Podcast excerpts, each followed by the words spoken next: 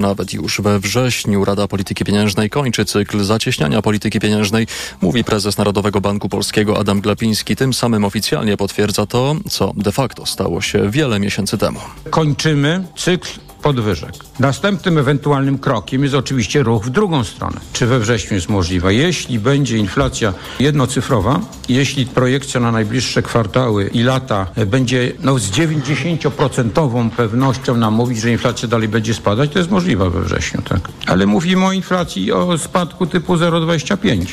Czyli byłaby to symboliczna ulga dla kredytobiorców, także ekonomiści nie wykluczają, że do pierwszej obniżki może dojść już po wakacjach, we wrześniu lub październiku, jeszcze przed wyborami. Słuchasz informacji TOK FM. W ciągu ostatnich 30 lat wyginęło 70% owadów lądowych, mówi ekspert z Uniwersytetu Łódzkiego. Powodem są zmiany klimatyczne czy stosowanie chemii w rolnictwie. Bartosz Kądziołka. Coraz mniej owadów to zła wiadomość, mówi Radomir Jaskuła z Wydziału Biologii Uczelni. Mamy owady, które zapylają rośliny, a zatem chociażby z punktu widzenia gospodarki człowieka. Mamy owady, które w dużym uproszczeniu mówiąc produkują dla nas żywność, bo to są owoce, to są warzywa, to jest miód, ale też rozkładają odchody, rozkładają martwą materię. Poza tym zwalczają inne owady uznawane w gospodarce za szkodniki. Żeby zapobiegać wymieraniu owadów, można rzadziej kosić trawę. Osoba, która ma bardzo krótkie włosy i weźmie prysznic, te włosy jej bardzo szybko wysną. Osoba, która ma długie włosy, potrzebuje często suszarki, żeby je wysuszyć. Z trawą jest tak samo. Krótka trawa traci wodę i wilgoć w ekspresowym tempie. Natomiast kiedy mamy trawę dłuższą, to czasami rosa utrzymuje się nawet do południa. Ale naukowiec dodaje, że niewiele się zmieni bez systemowych zmian, które zależą od polityków. Z Łodzi Bartosz Kądziołka, TOK FM. Teraz jeszcze informacja sprzed chwili. Prezydenci Polski i Ukrainy Andrzej Duda i Wołodymyr Załęski w katedrze apostołów Piotra i Pawła w Łódzku oddali hołd niewinnym ofiarom Wołynia w 80. rocznicę rzezi wołyńskiej. Do tematu wrócimy w kolejnych informacjach. TOK FM.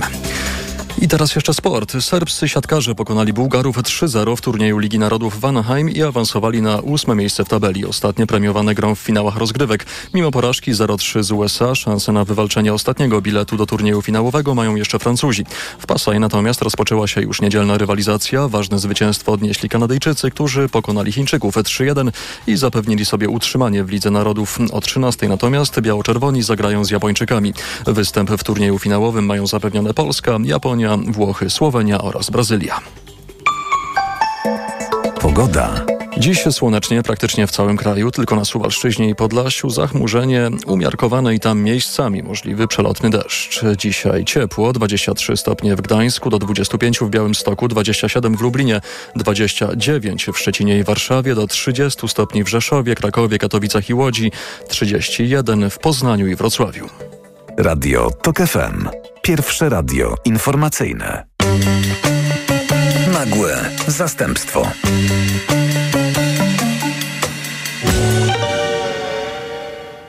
Schematyczna opowieść o protestach we Francji leci mniej więcej tak. Po pierwsze, Francja ma tradycję ulicznego protestu, po drugie, Francja ma przeszłość kolonialną i miliony gastarbeiterów, których źle potraktowała. W efekcie Francja ma to, na co zasłużyła i to, czego sama chciała. Gnębiony lud, wkurzony zabójstwem 17-letniego chłopca przez policjanta, wymierzył sprawiedliwość, no i bardzo dobrze. Problem w tym, że wraz z wymierzeniem sprawiedliwości spłonęły setki szkół, budynków użyteczności publicznej, prywatnych mieszkań, prywatnych samochodów.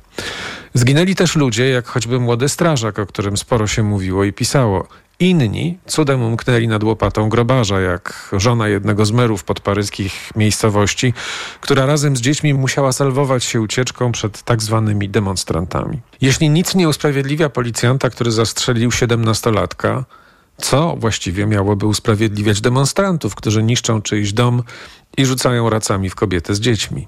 Problem też w tym, że siedemnastolatek, którego zabito i którego śmierć zainicjowała całą tę uliczną wojnę, był wielokrotnie zatrzymywany, handlował narkotykami, miał sprawy o paserstwo, a feralna przejażdżka miała miejsce w Mercedesie klasy A wartym ćwierć miliona w złotówkach. W dzisiejszej rozmowie jak pijany płota trzymałem się więc pytania, czy w społecznościach tak zwanych wykluczonych działają może jednak jakieś siły, które czynią z nich ludzi bardziej skłonnych do zwykłych burd ulicznych. Jasne, oczywiście wiemy, że wszyscy są różni, ludzie są różni, muzułmanie są różni, potomkowie migrantów są różni, że jesteśmy jednostkami, nie ma odpowiedzialności zbiorowej, ale zarazem też jednak trudno uciec od pytania o to, w jaki sposób nasze sposoby życia regulują różne kultury. A kultura to jednak zestaw norm i przeświadczeń o ponadindywidualnym charakterze. Więc może są i takie, które tłumaczą akt podpalenia cudzego samochodu jako czyn pożądany, słuszny i godny pochwały. Może w tych społecznościach, w tym jak żyją, jak myślą o świecie, ile z tego świata rozumieją, dzieje się jednak coś niedobrego. Współpracownik Gazety Wyborczej Damian Maliszewski, który był w Paryżu podczas protestów, stwierdził na swoim profilu na Facebooku, że według niego to nie był protest, tudzież burda uliczna autorstwa Francuzów. Jego zdaniem na ulicę wyszli głównie ci, którzy są najmłodszą stażem migracją, ci, którzy przyjechali do Europy po 2015 roku. Oto cytat. Dziś po moich doświadczeniach, także tych w Polsce, pisze Maliszewski, uważam, że jeśli chcemy odsunąć PiS od władzy, my, ludzie o centrowych, centrolewicowych i lewicowych poglądach, powinniśmy uczciwie przyznać, że Francja i Niemcy popełniły nieodwracalny w skutkach błąd, przyjmując bezrefleksyjnie taką, taką liczbę migrantów, nie mając jednocześnie na ich życie żadnego pomysłu. Przejmowano ludzi, którzy nie mieli paszportów i których w żaden sposób nie sprawdzono. Koniec cytatu. I jeszcze jeden ryzykowny. Dlaczego takich burt w żadnym kraju nie robią Azjaci, Hindusi czy choćby u nas Ukraińcy? Również wiele milionów imigrantów, również doświadczają rasizmu, również często w trudnej sytuacji materialnej. Koniec cytatu. Czy to już jest islamofobia, rasizm, lansowanie negatywnych stereotypów? To są poważne zarzuty, ale i pytanie jest poważne. Tak poważne jak refleksja nad przestępczością wśród Polaków mieszkających na Wyspach Brytyjskich. Czy to, że jesteśmy tam najliczniejszą grupą dopuszczającą się przestępstw wśród wszystkich migrantów, mówi coś o nas, czy jednak nic? I czy problemy z wieloma mniejszościami żyjącymi w różnych krajach świata są zawsze owocem strukturalnych nadużyć wywoływanych przez imperializm, rasizm, klasizm, kapitalizm itp.? Weronika Jaglińska, studentka prawa w Niemczech, na swoim facebookowym profilu pisze z kolei o francuskich zamieszkach w podobnym duchu, ale czytając je właśnie przez niemiecką rzeczywistość. Wielu Niemców spod znaku Refugees Welcome z 2015 roku dziś płacze za krajem sprzed 2015 roku i już 74% uważa, że migrantów przyjęto od tego czasu zbyt dużo, a 83%, że powoduje to problemy w zakresie bezpieczeństwa i systemu socjalnego. Pozamykani w bogatych dzielnicach biali nie stykają się z tym na co dzień, więc to w tej grupie poparcie dla niekontrolowanej migracji jest największe. Biedni obrywają najmocniej, tak więc nie ma się co dziwić, że skrajna prawica is the new lewica, a Front Narodowy mógłby się spokojnie nazywać frontem ludowym. Koniec cytatu. Nie wiem, czy obecność migrantów w Niemczech jest tak dotkliwa, czy tak łatwo umieścić w nich odpowiedzialność za własną frustrację, trudno się jednak nie zgodzić, trudno przede wszystkim nie zauważyć, że zbiórka na rzecz rodziny policjanta, który zastrzelił na Hela, przebiła liczbą zebranych euro czterokrotnie te, której celem było wsparcie rodziny zabitego. Obrażając się na najtrudniejsze pytania za to, że jawią nam się jako rasistowskie, Nigdy nie zrozumiemy, jak do tego mogło dojść. Nagłe zastępstwo. Jakub Janiszewski przy mikrofonie, a z nami jest Anna Pamuła, reporterka, autorka książek Wrzenie, Francja na krawędzi oraz Mamy do pogadania. Dzień dobry. Dzień dobry. Co wrze we Francji i na jakiej krawędzi ona stoi? No, to jest e, bardzo dobre pytanie, bo wrze w... zależy w sumie, gdzie popatrzeć. Zależy z jakiej i z czyjej perspektywy popatrzeć, bo myślę, że co innego być na przedmieściach, patrzeć na Paryż centrum, co innego być w centrum, być na jego wschodzie, zachodzie i patrzeć na przedmieścia. Więc y, no ostatnio rzeczywiście ostatnie zamieszki, które trwały kilka dni, jak wiemy, to jest y, koniec czerwca, y, zabójstwo Nachela M. Zamieszki się już właściwie skończyły, ale cały czas wrze, no bo wszyscy się znów zastanawiają, jaki jest ich powód, e, dlaczego to są wydarzenia cykliczne, bo one są cykliczne od lat 70. praktycznie, no i jak, temu, e, jak się z tym uporać. No ale pani książka pochodzi z 2020 roku. Od tamtego czasu mieliśmy parę takich wrzeń i one były zawsze różne. To znaczy, nie wiem, czy możemy zestawiać to, co teraz się działo po zabójstwie Nahela z e, żółtymi kamizelkami. Zestawiałaby pani to, czy nie? Hmm, to, jest, to jest bardzo dobre pytanie. Nie wiem. To znaczy, yy, chciałabym powiedzieć, że tak, bo, no bo tak jakby ktoś mi opisał to, nie mówiąc kto w tym uczestniczy, yy, to pewnie pomyślałam, no zaraz, to są te same wydarzenia. No, of, ofiar śmiertelnych w przypadku y, trwających y, przecież wiele tygodni protestów yy, żółtych kamizelek, właśnie nazywanych protestami, ofiar śmiertelnych było więcej niż w trakcie ostatnich zamieszek. Było w trakcie ostatnich zamieszek dużo więcej zatrzymań, prawie 3,5 tysiąca ale no, to jest zawsze pytanie, tak? Czy jeżeli e, historia na przykład zamieszek mówi się, e, że zaczyna się w latach 70., to jest 69 rok Lyon, przedmieścia Lyonu, to są tak zwane émeutes urbaines, czyli zamieszki miejskie, no ale czy zamieszkami e, nie można by nazwać w ogóle jakichkolwiek innych protestów obywateli, czy osób, które czemuś się sprzeciwiają, sprzeciwiają się systemowi? Zostawiam to pytanie otwarte, bo nie mam na nie do końca odpowiedzi bo tak naprawdę jako reporterka y, zadaję pytania i każdy, kogo pytam, odpowiada trochę inaczej. No pewnie tak, ale równocześnie mieszka pani w tym kraju, jest pani e, właściwie częścią tego społeczeństwa, niezależnie od e, obywatelstwa jest pani częścią jakby Francji i rzeczywistości codziennej. Więc pytanie brzmi, jakie pani ma jaką pani ma odpowiedź dla samej siebie? E, ja dla samej siebie, e, tak, dla mnie to wszystko jest część y, jednego wydarzenia, może jednego wydarzenia, część jednej sytuacji, w której Francuzi w ogóle gdy coś im się nie podoba, to po prostu mówią o tym bardzo głośno i mają takie duże poczucie sprawczości i takie poczucie, że trzeba zaprotestować. Przypomina mi się tutaj historia nauczycielki, o której pisałam we wrzeniu. E, ona jest e, Arabką, ma siedmiu braci, e, dwóch jest to salafici, jeden głosuje na Front Narodowy, jeden jest świadkiem Jehowy, a ona jest znów nauczycielką w gimnazjum, gdzie spędziłam prawie tydzień, w tak zwanym, jak ona na to mówi, getcie muzułmańskim. Jest muzułmanką. I Fatiha, jak rozmawiała z dzieci, ze swoimi uczniami, które nazywa pieszczotliwie dzieciaczki, bo bardzo je lubi, a z drugiej strony jest bardzo surową nauczycielką, która wymaga ogromnej dyscypliny. E, I wielokrotnie, kiedy słyszy bo słyszy to, jak jej uczniowie mówią, a w dupie mam tą Francję, wracam tam do siebie, do Algierii, Maroka czy gdziekolwiek. Chociaż e, najczęściej żadnych z tych dzieci nigdy tam nie było, bo urodzili się we Francji i nie stać ich e, rodzin na żadne wakacje, nawet w kraju, z którego pochodzą. E, I wtedy Fatiha mówi, zaraz, a co by było, jakbyś się w ten sposób odezwał w algierskiej szkole? I próbuje im tłumaczyć, że to, ta ich bezczelność, to też jest francuskość, że oni są Francuzami, że oni są z Francji. Hmm, I ta ich to... chęć wyjścia na ulicę, może nie tylko chęć, ale to, że w ogóle mają taką możliwość, i to jest, y, to bardzo mnie, no, zmusiło mnie mocno do myślenia. No to teraz po, po, posłuchajmy słów ministra e, Geralda Darmeona, który po, podsumował tą francuską sprawczość i powiedział on tak.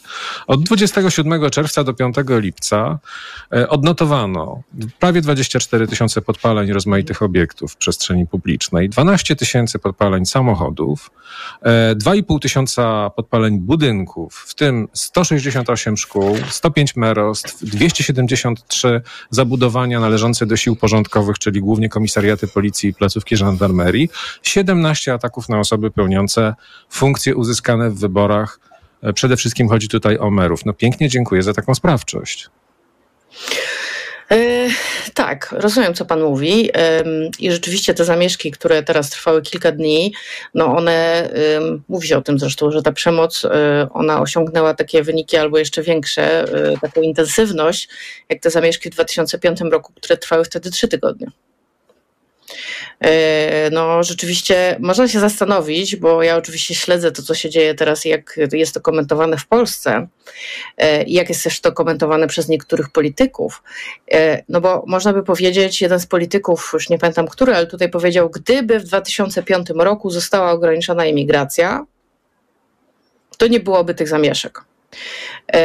No to jest uproszczenie, to już wiemy, prawda? To jest uproszczenie, tak, ale to, co chciałam powiedzieć, że po pierwsze y, nie wiemy, czy ty, uczestnicy tych zamieszek to są imigranci, bo to, to jest też to, co jest mieszane bardzo, to co słyszę, to znaczy to mogą być zarówno potomkowie imigrantów, jak i imigranci, oczywiście. No, z tego, co ja, jak pamiętam, siedziałam tam przecież latami na tych przedmieściach i rozmawiałam z tymi chłopakami, to mężczyznami, młodymi mężczyznami, to najczęściej są to po prostu Francuzi, tak? Więc no właśnie, albo można pomyśleć o ograniczeniu emigracji, bo rzeczywiście we Francji ten wzrost jest obserwowany, bo w tej chwili no, imigranci stanowią około 10% populacji mniej więcej. E, i to jest liczba, która wzrasta cały czas, chociaż Francja przecież wcale nie jest krajem, który przyjmuje najwięcej imigrantów e, w, w Europie, jest to Szwajcaria, tylko no zupełnie później na innych zasadach wygląda, integracja. Więc można pomyśleć albo o tym ograniczeniu imigracji, to jest coś, co się powtarza ciągle, e, natomiast ja wcale nie mam pewności, czy to mm, ja nie mam osobiście zdania, bo ponieważ nie wiemy, kim są ci ludzie, to raz, nie słucha się ich często, nie robi się też badań, bo we Francji badania takie etniczne i religijne są zakazane. No albo y, coś y, tutaj na bazie tych mechanizmów integracyjnych nie zadziałało, tak? Czyli y, kwestia wzmocnienia, wzmacniania mechanizmów integracyjnych. Na przykład szkoła jest tutaj ogromnym, ogromnym no problemem we Francji. No właśnie, właśnie. To, to porozmawiajmy o tej szkole w takim razie. Czy Fatiha jest takim wyjątkiem, że jeszcze o niej pisać reportaże? Fatiha jest wyjątkiem, bo ma charakter wyjątkowy. Jej e, jakby historia rodzinna jest wspaniała, dlatego że no, posiadanie siedmiu braci, o których przed chwilą opowiedziałam, e, jest niezwykłe. Natomiast. Jasne, e, ale, ale ciekawi mnie, czy no, jej postawa, jej podejście do nie, tej grupy nie, jest ja, niezwykłe. Nie, zdecydowanie nie. To znaczy, ja mam za sobą wiele rozmów z feministkami arabskimi, z feministkami muzułmańskimi lub nie, no bo wiadomo, że to wszystko trzeba przecież odgraniczyć z feministkami z pochodzenia z krajów Afryki Północnej. E, I wiele z nich na przykład mówi o tym, że fakt, że we Francji nie można nosić chusty w szkole, było dla nich wybawieniem, że to spowodowało, że one mogły podjąć wybór, czy one tą chustę chcą, nosić, czy nie. Jak ja przyjechałam do Francji, to mnie to oburzało, bo pomyślałam sobie, jak to, co to za w ogóle za ograniczenie jakiejś wolności, e, osobistej, wolności osobistej, tak? Ale później po rozmowach na przykład z taką Fatichą, która prawdopodobnie gdyby nie francuska szkoła, e, to zostałaby przymuszona przez, e, nie wiem, braci, może kuzynów do noszenia chusty, a może i do bardzo wczesnego małżeństwa, bo był taki plan. Więc wydaje mi się, że z jednej strony ta laickość tej szkoły, właśnie ona, hmm, no, taki Francuzi mają plan, tak, żeby, y, żeby z tych wszystkich ludzi jakoś robić jedno. Tylko, że to się nie udaje, dlatego że francuska szkoła od lat, i, i tutaj y, y, pyta mnie pan jakby o. Um, może nie o źródło, tylko dla, dlaczego to się wydarza, dlaczego jest to, co jest. I, I, dla mnie no tutaj najważniejszym jest to, że francuska szkoła jest jedny, jedną ze, z najbardziej niesprawiedliwych systemów w Europie, która pogłębia te niesprawiedliwości społeczne i powoduje, że później właśnie. Y, są problemy na przykład chociażby z pracą, tak? No bo tak nawet. Na czym polega ta niesprawiedliwość? Nazwijmy to. Y, niesprawiedliwość polega na tym, że na przedmieścia, w których ja zresztą też mieszkam, tylko akurat mieszkam w takim powiedzmy fajniejszym miejscu, trochę taki Brooklyn do Nowego Jorku, tak zupełnie szczerze, bo to nie jest tak, że to są jakieś głębokie y, blokowiska, ale znam też takie miejsca, byłam w takich szkołach. E, po pierwsze, te szkoły są w opłakanym stanie, e, w sensie widziałam i szczury i w wielu tych miejscach, w, tak samo w blokach, e, rozsypujące się stare budynki z lat 70., które były budowane na szybko. To znaczy, tak, był, był taki pomysł na to, że pracownicy budowlani przyjadą, a potem szybko wyjadą. Nikt nie wziął pod uwagę, że oni zaraz sprowadzą przecież rodziny, no bo się po prostu będzie im lepiej w tym miejscu, do którego zostali zaproszeni de facto. I taka bardzo konkretna rzecz. Do tych miejsc gdzie e, jest, są najgorsze problemy pedagogiczne w szkołach, są wysyłani najmniej doświadczeni nauczyciele. To znaczy, tutaj system jest taki, że nauczyciel jakby w nagrodę wraz z rosnącymi punktami, yy, które są powiązane z rosnącym doświadczeniem, może być przeniesiony do szkoły tak zwanej lepszej, czyli na przykład w centrum Paryża. To w takim razie spróbujmy sobie powiedzieć, e, odpowiedzieć na pytanie, dlaczego tak się stało, że Francja się odwraca, e, że Francja jest tak potwornie, właściwie z tego co pani mówi, i rasistowska, i klasistowska. To znaczy, tutaj mamy zarówno niechęć wobec, jak sądzę, e, etnosu, uczniów, ale też wobec biedy. Zdecydowanie. Zresztą Francuzi, którzy bardzo nie lubią e, rozmawiać o etniczności i religii, strasznie się najeżdżają i to nie mówię tylko o takich dziennikarskich rozmowach, ale o takich rozmowach zupełnie prywatnych. E, bardzo się wszyscy denerwują, jak się pytają o ich pochodzenie. Ja to robię zawsze, bo mnie to zawsze interesuje. E, natomiast oni się jeżą, bo nie są do tego przyzwyczajeni. Francuzi, którzy bardzo jeżą się na etniczność i bardzo nie chcą o tym rozmawiać, nawet w takich prywatnych rozmowach, to bardzo często podkreślają, że zaraz, zaraz, ale ty mówisz o etyczności, ale to przecież chodzi o biedę. To jest kwestia nie etniczności, tylko klasy społecznej. Tylko, że jedno z drugim tutaj się pokrywa. Tak? To znaczy, robione są badania, które pokazują, że tak, wśród Francuzów bezrobocie to oficjalnie 7%. To są dane z 2019 roku. 2021, przepraszam. Czyli to są dane z 2021 roku. Wśród imigrantów i potomków imigrantów, bo to też trzeba rozróżnić, to 13%. W czym jest absolutna nadreprezentacja w opiece nad dziećmi. To głównie zajmują się tym Afrykanki i widać te czarnoskóre mamy, które prowadzą białe dzieci w wózkach. Tutaj jest to taki widok zupełnie zwyczajny, taki codzienny. No a mężczyźni oczywiście pracujący na budowie, tak? 38% wśród nich nie ma edukacji wyższej. Plus nieznajomość języka.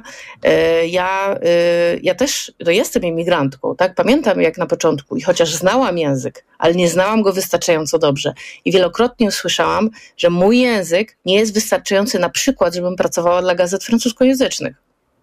No jeśli to było słychać, to rozumiem, że, tak, że, że to był pewien argument. Pewnie w Polsce usłyszałaby pani to samo, gdyby była pani Ukrainką. Pewnie tak, pewnie tak. Natomiast no, jest to.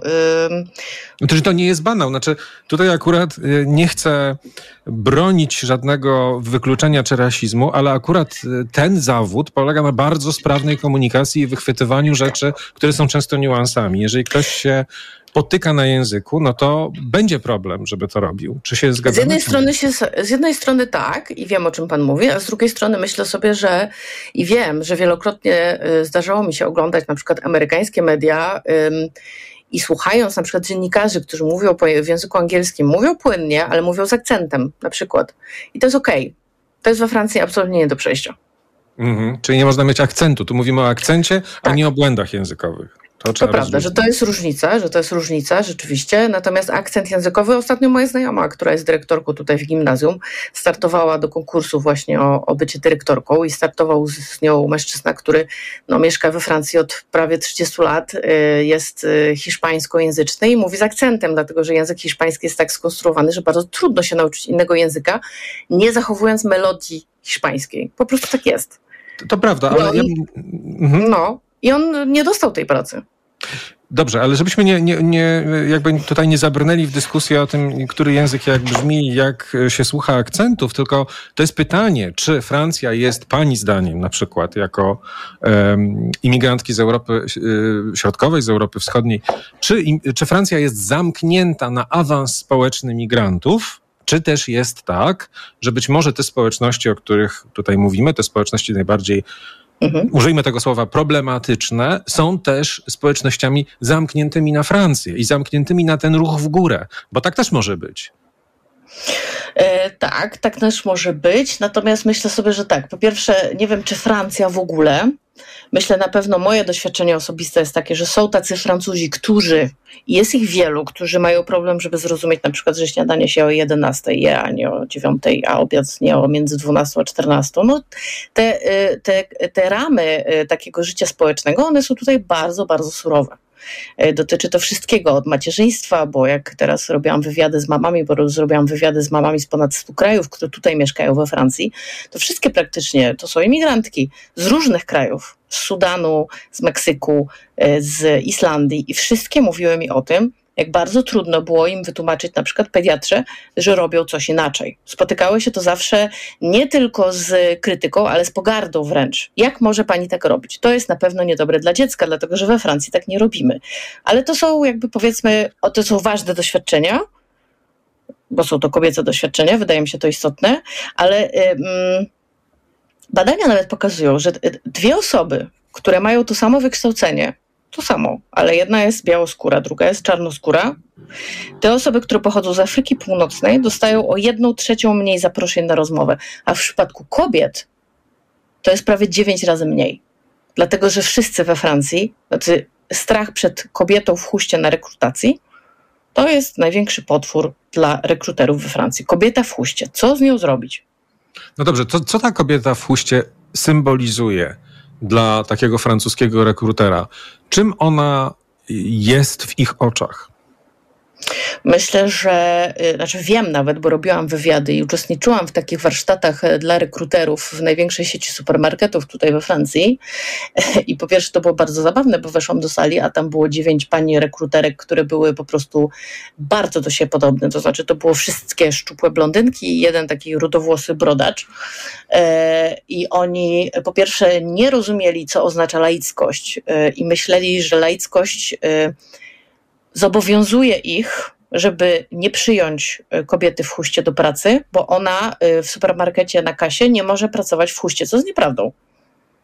W huście nie można być e, funkcjonariuszem, w huście nie można być e, w szkole. No, była ostatnia dyskusja, to było bardzo ciekawe. Nawet dzisiaj, jak szłam po dziecko w szkole i patrzyłam na te mamy, które stoją obok mnie właśnie w chustach, czekając na dzieci, bo przecież to mamy odbierają dzieci ze szkoły w 90%. E, I była taka afera o to, czy mamy, które odprowadzają dzieci na przykład do kina, kiedy klasa idzie na, na zajęcia pozalekcyjne i mama taka pomaga, tak? Czy taka mama może iść w huście, czy nie? No ale z drugiej strony powiedzieliśmy przed chwilą, że fakt, że są przestrzenie, w których w chustach być nie można, ma również aspekt e, wyzwolicielski. To znaczy, to jest jednak ruch emancypacyjny na swój sposób.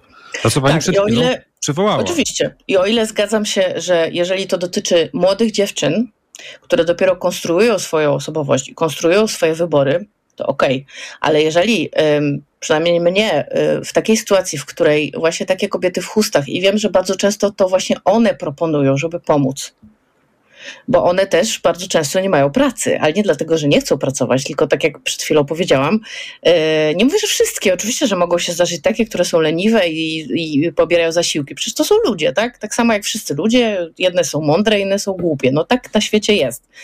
E, natomiast e, dla mnie jest, jest szokujące to, że wtedy taka kobieta, dla mnie to jest dyskryminacja, jeżeli taka kobieta nie może odprowadzić, nie może pomóc w szkolnej wyprawie, będąc w huście, bo to jest zupełnie inna sytuacja, gdy mówimy o kobiecie 40-letniej, a mówimy o dziewczynce 10-letniej. Jasne, ale wracamy teraz do pani reportażu, pani tekstów e, o tej nauczycielce. Fatiha mówi bardzo wyraźnie, w pewnym sensie to, co jest ciekawe w tym tekście, to jej zezłoszczenie i pewna irytacja, którą się wyczuwa e, z tego, co ona mówi, z tego, jak postrzega tę mniejszość nie wiem jak, jak to nazwać, no powiedzmy potomków Francuzów e, imigrantów. No nie wiem, to jakoś, jakaś taka konstrukcja mhm. tutaj się nasuwa.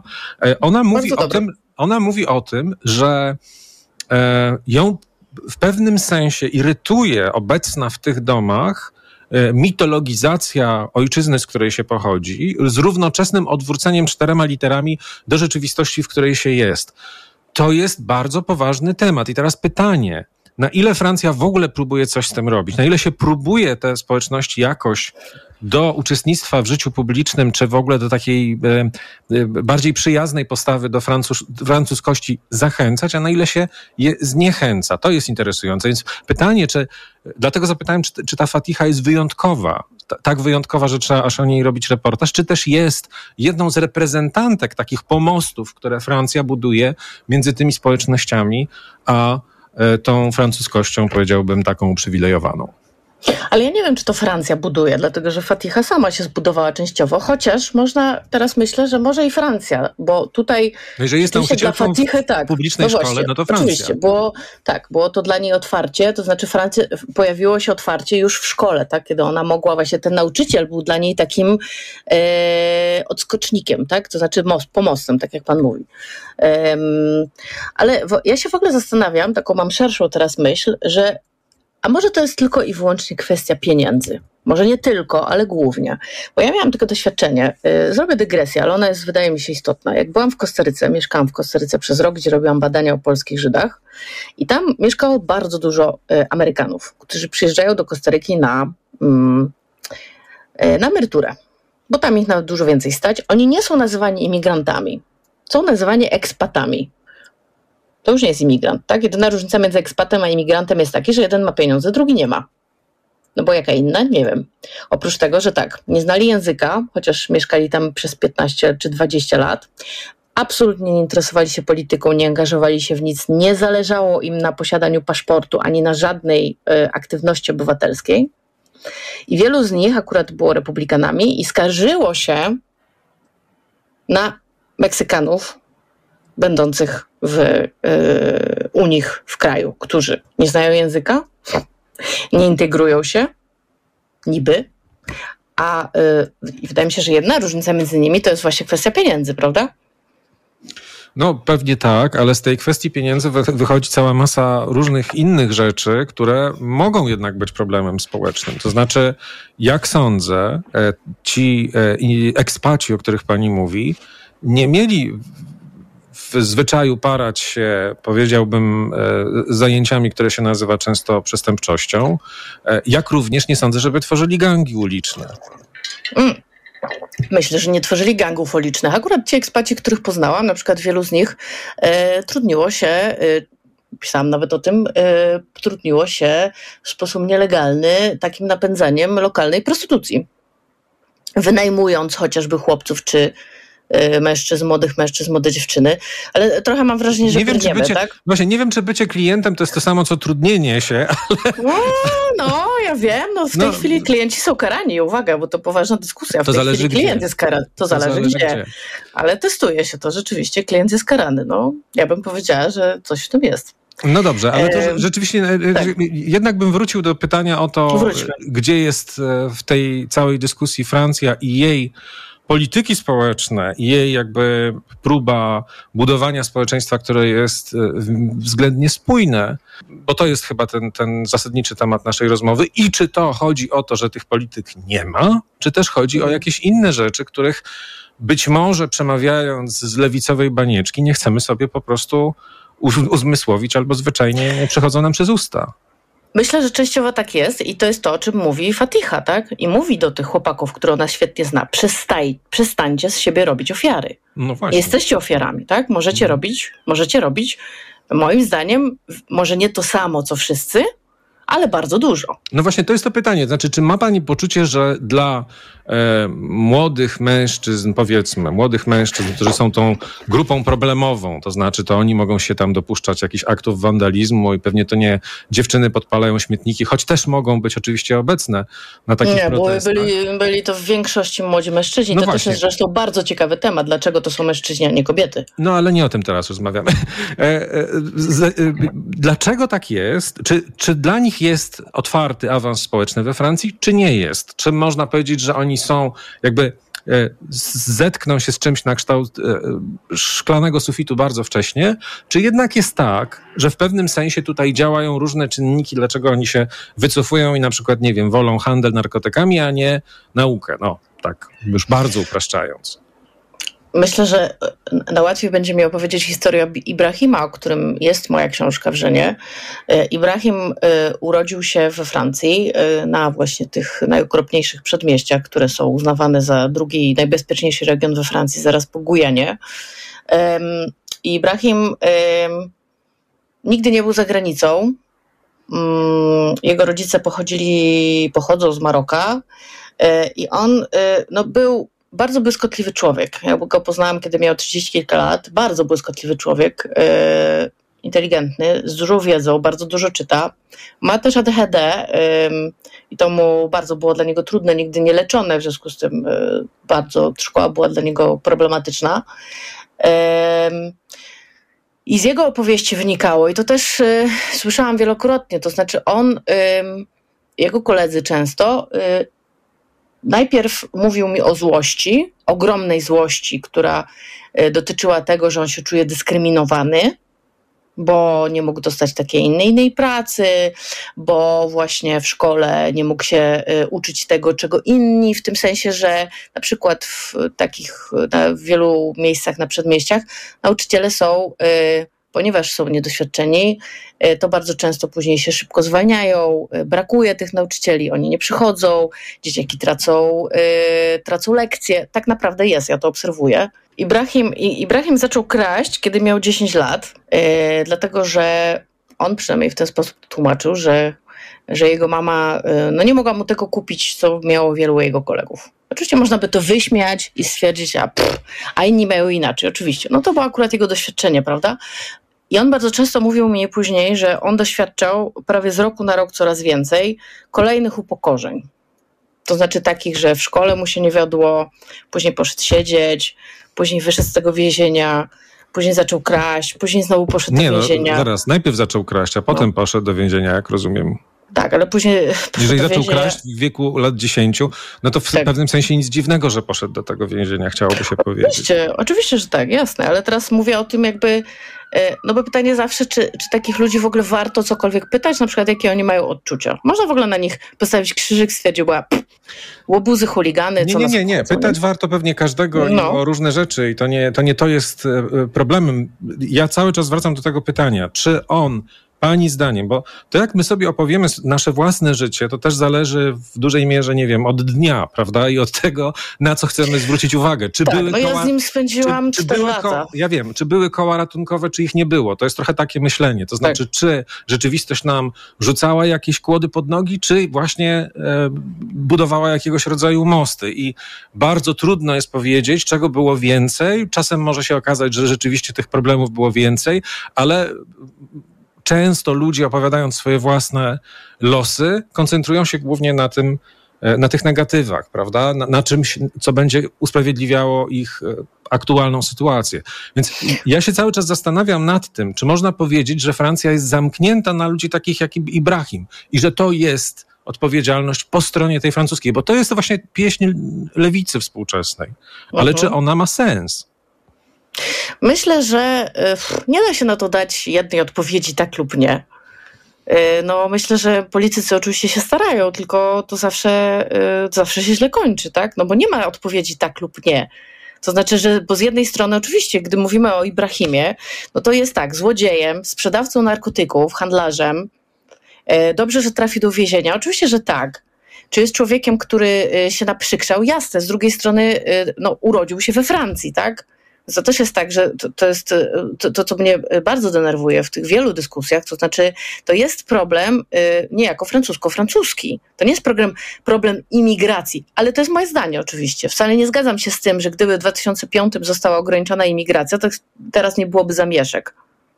Nie, nie no, to, to, to, wiadomo, że to jest demagogia. No to, to... Nie jest to demagogia, ale tak samo demagogią jest moim zdaniem y, nawet poszukiwanie odpowiedzi na pytanie, y, czy oni wszyscy są tacy, czy oni wszyscy są inni. Bo y, podam panu przykład. Kilka dni temu był wybuchł skandal, dlatego że okazało się, że jest zbierana zbiórka na policjanta, który jest w tej chwili podejrzany o zabójstwo Nachela, o zabójstwo z premedytacją, dlatego że do tej pory wielokrotnie było tak, że nieumyślne zabójstwo tak, w obronie własnej. A tutaj jest y, ze względu na nagranie, które, które można którego można wysłuchać, gdzie słychać, wpakuje ci kulkę w łeb który wypowiada, która, który wypowiada któryś z policjantów, y, on jest w tej chwili oskarżony o y, zabójstwo z premedytacją. Na niego była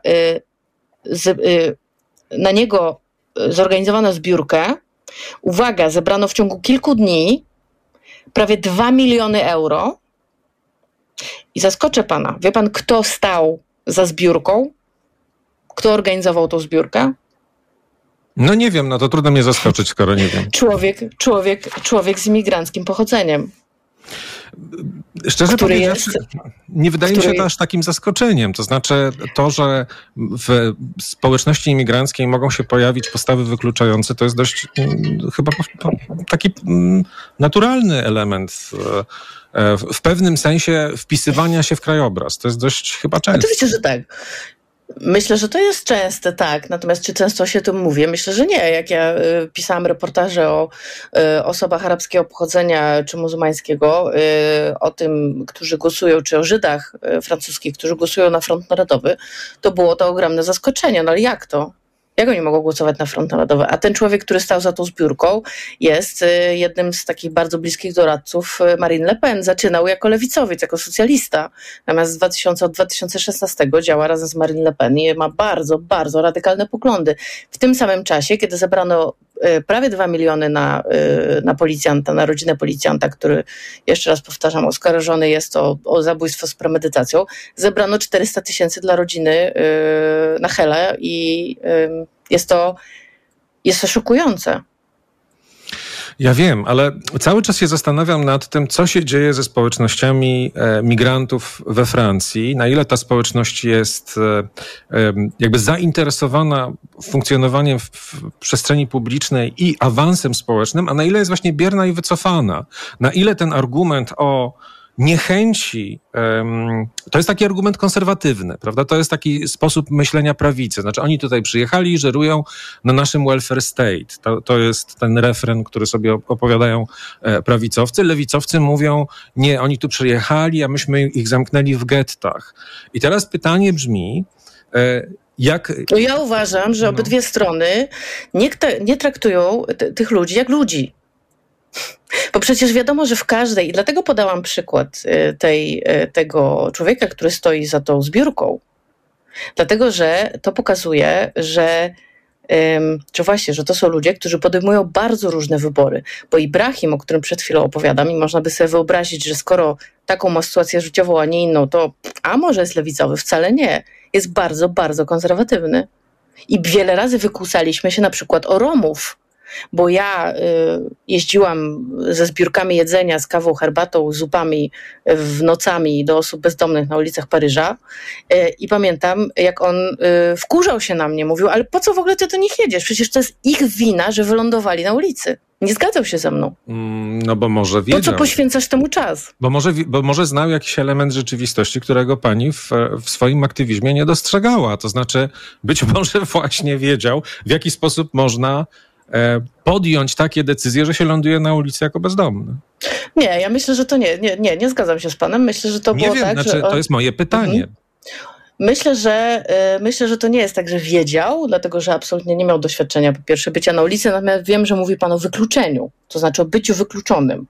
Natomiast myślę, że to jest też tak, że bardzo trudno byłoby mu znaleźć empatię wobec innych, skoro sam jej nigdy nie doświadczył. Ale czy nigdy jej nie doświadczył? To jest to pytanie. To znaczy, czy możemy postawić takie stwierdzenie? E, osoby takie jak Nahel nigdy nie doświadczają empatii we Francji. Nigdy nie mają szansy. Zmiany. To jest, no oczywiście, że nie. Natomiast myślę, że dostają ją rzadko. Dlatego, że jeżeli zakładamy, że właśnie taka faticha, y, akurat w jej wypadku było to, że po prostu trafiła na wspaniałą nauczycielkę. Oczywiście skorzystała z tego, no bo przecież jej y, bracia też mieli taką samą nauczycielkę. Nie wiem, czy akurat byli z nią w klasie, ale powiedzmy, że y, z nią w klasie było tam kilka, kilkunastu uczniów, którzy pewnie byli w takiej samej sytuacji jak ona. Tylko ona z tego skorzystała, tak? Bo akurat miała taki potencjał, bo chciała się uczyć, bo miała takie możliwości. Więc y, myślę, że akurat w przypadku chłopców, y, czy tych młodych mężczyzn, z którymi rozmawiałam, to y, akurat tych, z którymi rozmawiałam, to żaden z nich o tej możliwości mi nie opowiedział. Czy takich możliwości, takie się możliwości nie pojawiły, oni byli zbyt głupi, niektórzy z nich, żeby z nich skorzystać? Na pewno. Czy takich możliwości powinno być coraz więcej? Ja mam takie zdanie. Mm-hmm, mm-hmm. Że ich powinno być więcej. Dlatego, że no, ja w to wierzę jako człowiek. No dobra, ale czego konkretnie nie ma? To znaczy, ja chcę zrozumieć, czego okay. nie ma w tych społecznościach. Co tam powinno się pojawić, żeby um, nie było tej opowieści o Francji wykluczającej, rasistowskiej, um, gettoizującej. Co się powinno tam z- z- zdarzyć i znaleźć? No to y, y, raz, wrócę do szkoły. Myślę, że to powinna być szkoła, która y, nie wyklucza, a niewykluczeniem byłoby to właśnie, że kieruje się tam nauczycieli. Był taki pomysł. Y, to jest znany problem we Francji, że kieruje się tam nauczycieli na przykład z ogromnym doświadczeniem pedagogicznym, którzy wiedzą, jak zachować się w sytuacji, kiedy mają przed sobą dzieciaki, które ledwo mówią po francusku, albo bardzo słabo, albo ich francuski, których znają z podwórka, bo nigdy nie byli poza Francją, ale zupełnie inny od tego, którego się uczy w szkole, bo jest to język getta. I tacy nauczyciele, którzy mają doświadczenie pedagogiczne we Francji, w szkołach nauczycielskich nie uczy się pedagogiki w ogóle. W związku z tym bardzo często dwudziestokilkuletni nauczyciele lądują naprawdę w miejscach, w których na przykład nigdy nie byli w życiu, bo się bali. Lądują z dzieciakami, y, które umieją bardzo mało, i te dzieci moim zdaniem przez to są od razu, no przecież nie mają żadnego wsparcia w rodzinach. Nie mają osób, które z nimi czytają książki, bo ich rodzice na przykład chociażby nie znają języka. Bo to są dzieci, które, nie wszystkie, ale jest część dzieci, proszę sobie wyobrazić taką sytuację, w której gro czasu na przykład zajmuje im opiekowanie się własnymi rodzicami, bo są tłumaczami swoich rodziców, bo oni tylko znają francuski i na przykład muszą z nimi iść do szpitala. No dobrze, ale żeby jaka... im pewne rzeczy wytłumaczyć. Mhm. A jeżeli chodzi o społeczność imigrancką we Francji, to właściwie, e, bo pani mówi często o tym, że nie ma danych. To znaczy, czy to jest tak, że tej społeczności się nie bada, ta społeczność nie ma jakby swoich, jak to się ładnie nazywa, e, serwisów socjalnych, które mają dobrze rozpoznane te potrzeby, czy, to, czy oni są pozostawieni samymi sobie? Jak to jest?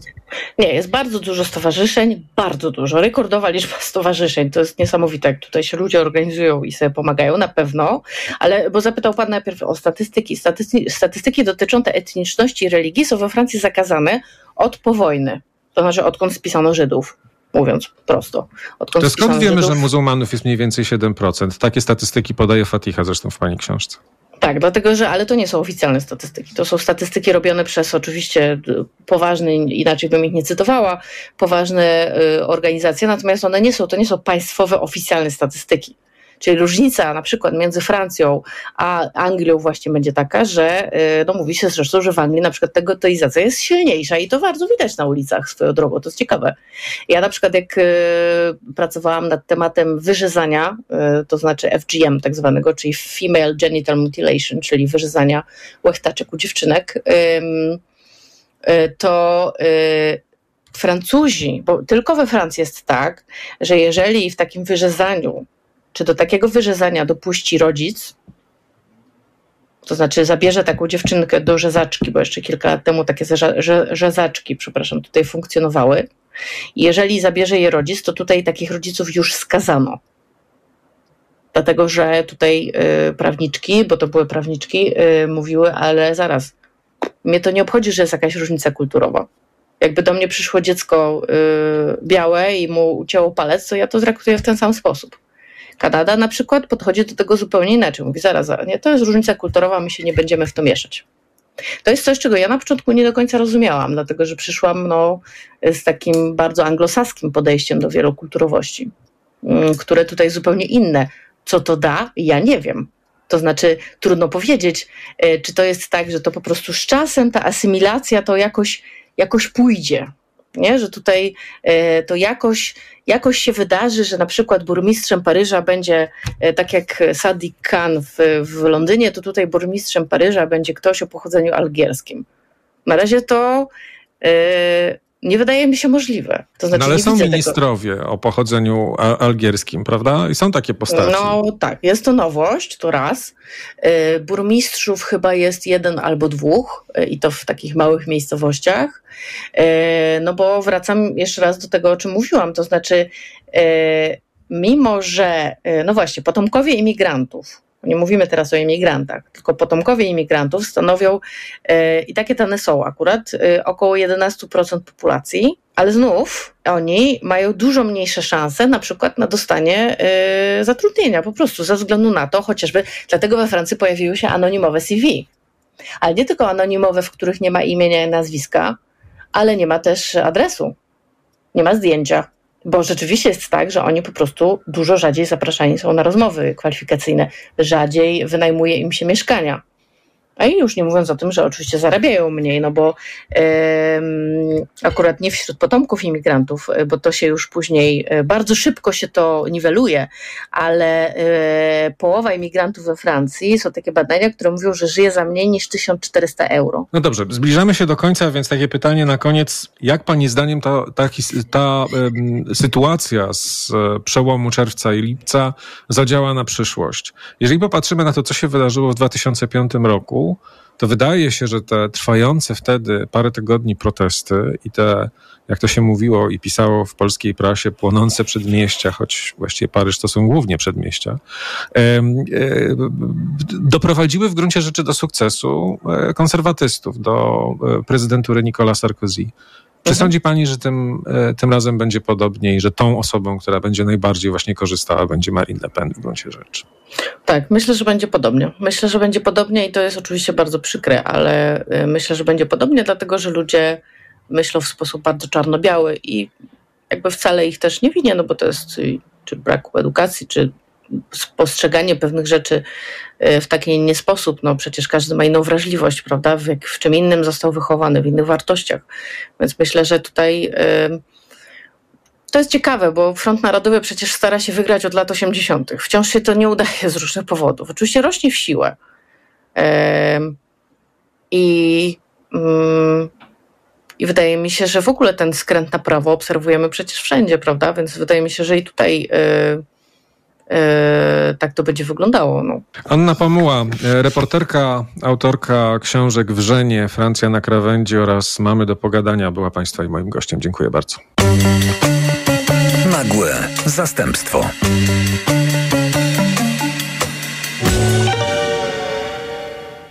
Radio TOK FM. Pierwsze radio informacyjne.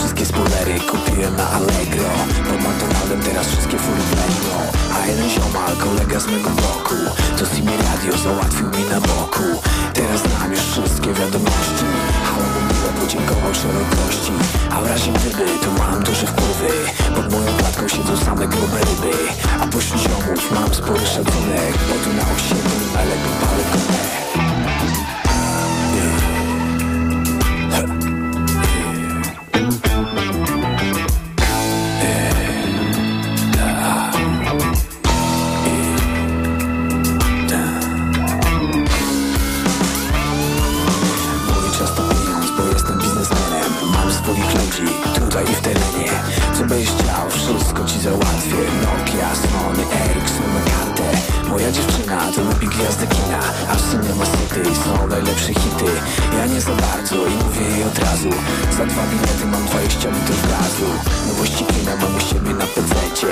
Cinema City będą w przyszłym roku w lecie. Ze mną ściągam, wszystko mam za darmo. Szyby zalepię sobie za ten hajs na czarno. Będę tak jeździł po osiedlu nocą. Nie rozumiesz tego? To nie pytaj po co. Ja jadę prosto przed siebie rok po roku. Co to za różnica, że do około bloku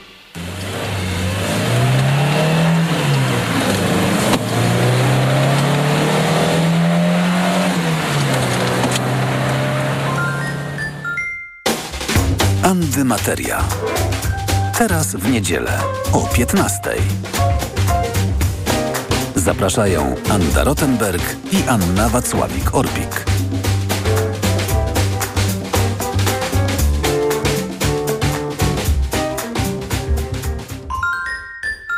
Reklama. RTV Euro AGD. Tylko do środy w euro. Za każde wydane 1000 zł od razu obniżamy paragon o 100 zł. Promocja na tysiące produktów. Aż do 2000 zł rabatu. Szczegóły i regulamin w sklepach i na euro.com.pl. W upały twoje dziecko bardzo się poci. Chcesz mu dać wodę? To może być za mało. Pocąc się, dziecko traci elektrolity, w tym wapń potrzebny do rozwoju kości. Podaj mu tabletki musujące Hydro Optima Junior. Suplement diety Hydro Optima Junior dostarcza niezbędne elektrolity i co ważne w przypadku dzieci, zawiera wysoką dawkę wapnia. Hydro Optima Junior ma pyszny pomarańczowy smak, mimo niskiej zawartości cukrów. Hydro Optima Junior. Zdrowe nawodnienie dla Twojego dziecka. Aflofarm. Lato, wakacje, plaża. Każdy odkrywa skórę, by łapać promienie słoneczne. Złota opalenizna owszem jest piękna, pod warunkiem, że jest też zdrowa. Czerniak to złośliwy nowotwór skóry, którego główną przyczyną jest nadmierne opalanie. Ochrona skóry przed promieniami UV oraz regularne badanie znamion to obowiązkowe elementy profilaktyki czerniaka. Zakrywaj skórę przed słońcem, odkrywaj przed lekarzem. Więcej na planujedługieżycie.pl. Kampania Ministerstwa Zdrowia. O kurcze! Skurcze potrafią pojawić się niespodziewanie podczas aktywności fizycznej, po dużej dawce używek czy w czasie snu. Sięgnij po Neomax Skurcz. Najchętniej wybierany przez Polaków produkt dedykowany osobom zmagającym się ze skurczami. Suplement diety Neomax Skurcz zawiera nie tylko magnez i witaminę B6, ale także potas wspierający prawidłową pracę mięśni. Neomax Skurcz pozwala cieszyć się ruchem i nie myśleć o skurczach. Neomax Skurcz. Więcej niż magnez. Aflofarm. Renault.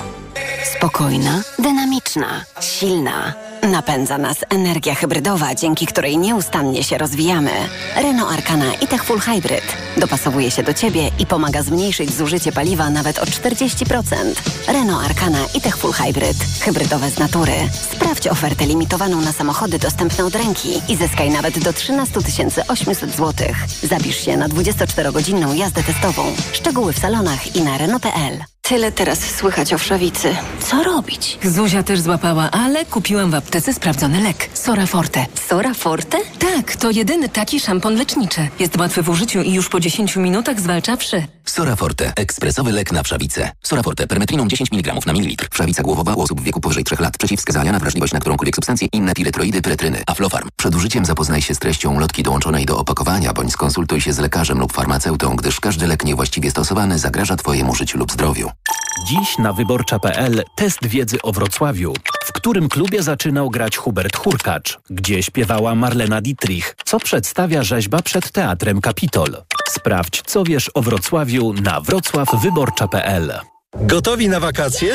No to jedziemy. Wyznaczam trasę. Droga będzie kręta i górzysta.